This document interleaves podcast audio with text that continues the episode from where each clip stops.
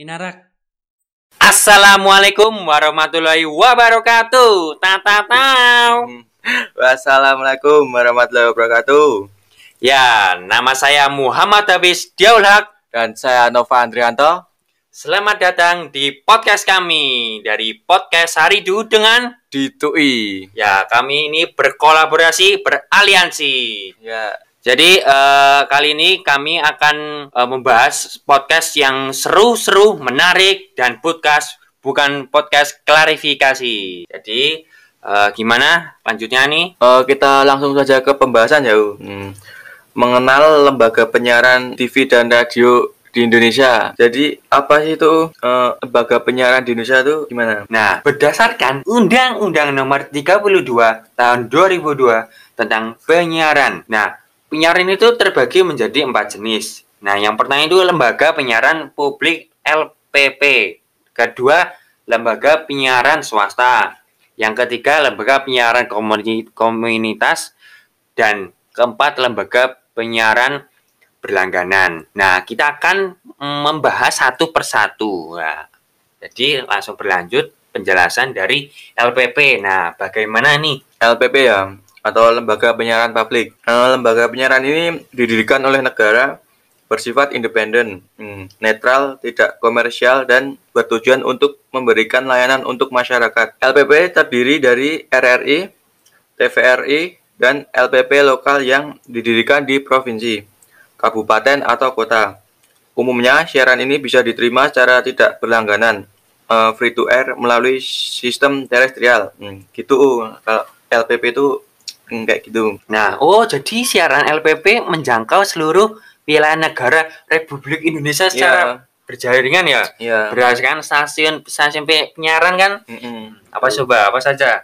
Stasiun penyiaran. Ya banyak ya tadi. Hmm. Seperti apa yang telah disebutkan. Nah, lanjutkan ya. Apa itu lanjutnya? Hmm, ke poin kedua, Um. Hmm, Ah. tentang lembaga penyiaran swasta LPS ya. Nah, Hmm, berarti apa itu- itu?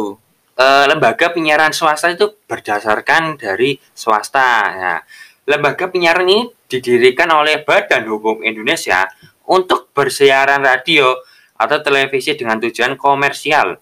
Umumnya siaran bisa diterima secara free to air melalui sistem terestrial. Ya, siarannya dapat diselenggarakan secara berjaringan dengan LPS sampai LPS anggotanya di berbagai daerah. Ya, jadi kayak kayak sudah tersebar seperti itu. Nah, lanjut ya untuk yang ketiga lembaga Hmm. penyiaran komunitas. Namanya sendiri komunitas ya, pasti eh, didirikan oleh komunitas ya. Eh, lembaga komunitas ini eh, bersifat independen ya, tidak komersial dan bertujuan untuk memberikan layanan untuk komunitasnya. Umumnya, siaran bisa diterima secara free to air melalui sistem terestrial dengan jangkauan wilayah siaran yang terbatas. Nah, jadi nggak bisa ya kayak yang pertama tadi U yang menjangkau seluruh eh, Indonesia itu enggak Iya. untuk mm, komunitas-komunitas saja kalau yang ini Heeh, ya tergantung cakru aneh lah, Hmm, beda, beda cakru, beda aturan beda aturan. Nah.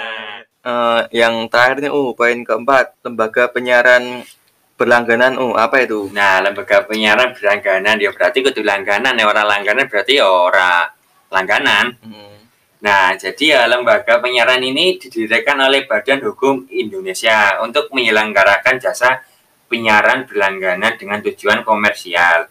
Ya, ya siarannya menggunakan sistem satelit, satelit Hmm. dari atas, kabel atau terestrial dengan menawarkan vario var- variasi program siaran yang dapat dipilih oleh pelanggannya. Ya sesuai misalnya mau langganan seperti apa, ya apa tinggal apa sesuai pilihannya. Jadi kayak ya kayak misalnya mau berlangganan seperti wifi ya Hmm. tinggal a- seperti apa mau pilihannya. IndiHome, wifi ID dan kawan-kawan parabola gitu juga ya? Parabola ya bisa itu juga. Hmm, itu aja sih uh paling ya itu lah ini aja lah eh, podcast dari Saridu berkolaborasi dengan eh, di TUI ya. Hmm, semoga bisa menambah ilmu kalian. Mm-mm, ya jadi ya itu saja. Sekian dari kolaborasi kami. Eh, wassalamualaikum warahmatullahi wabarakatuh. Bila ada kesalahan mohon dimaafkan. Wassalamualaikum warahmatullahi wabarakatuh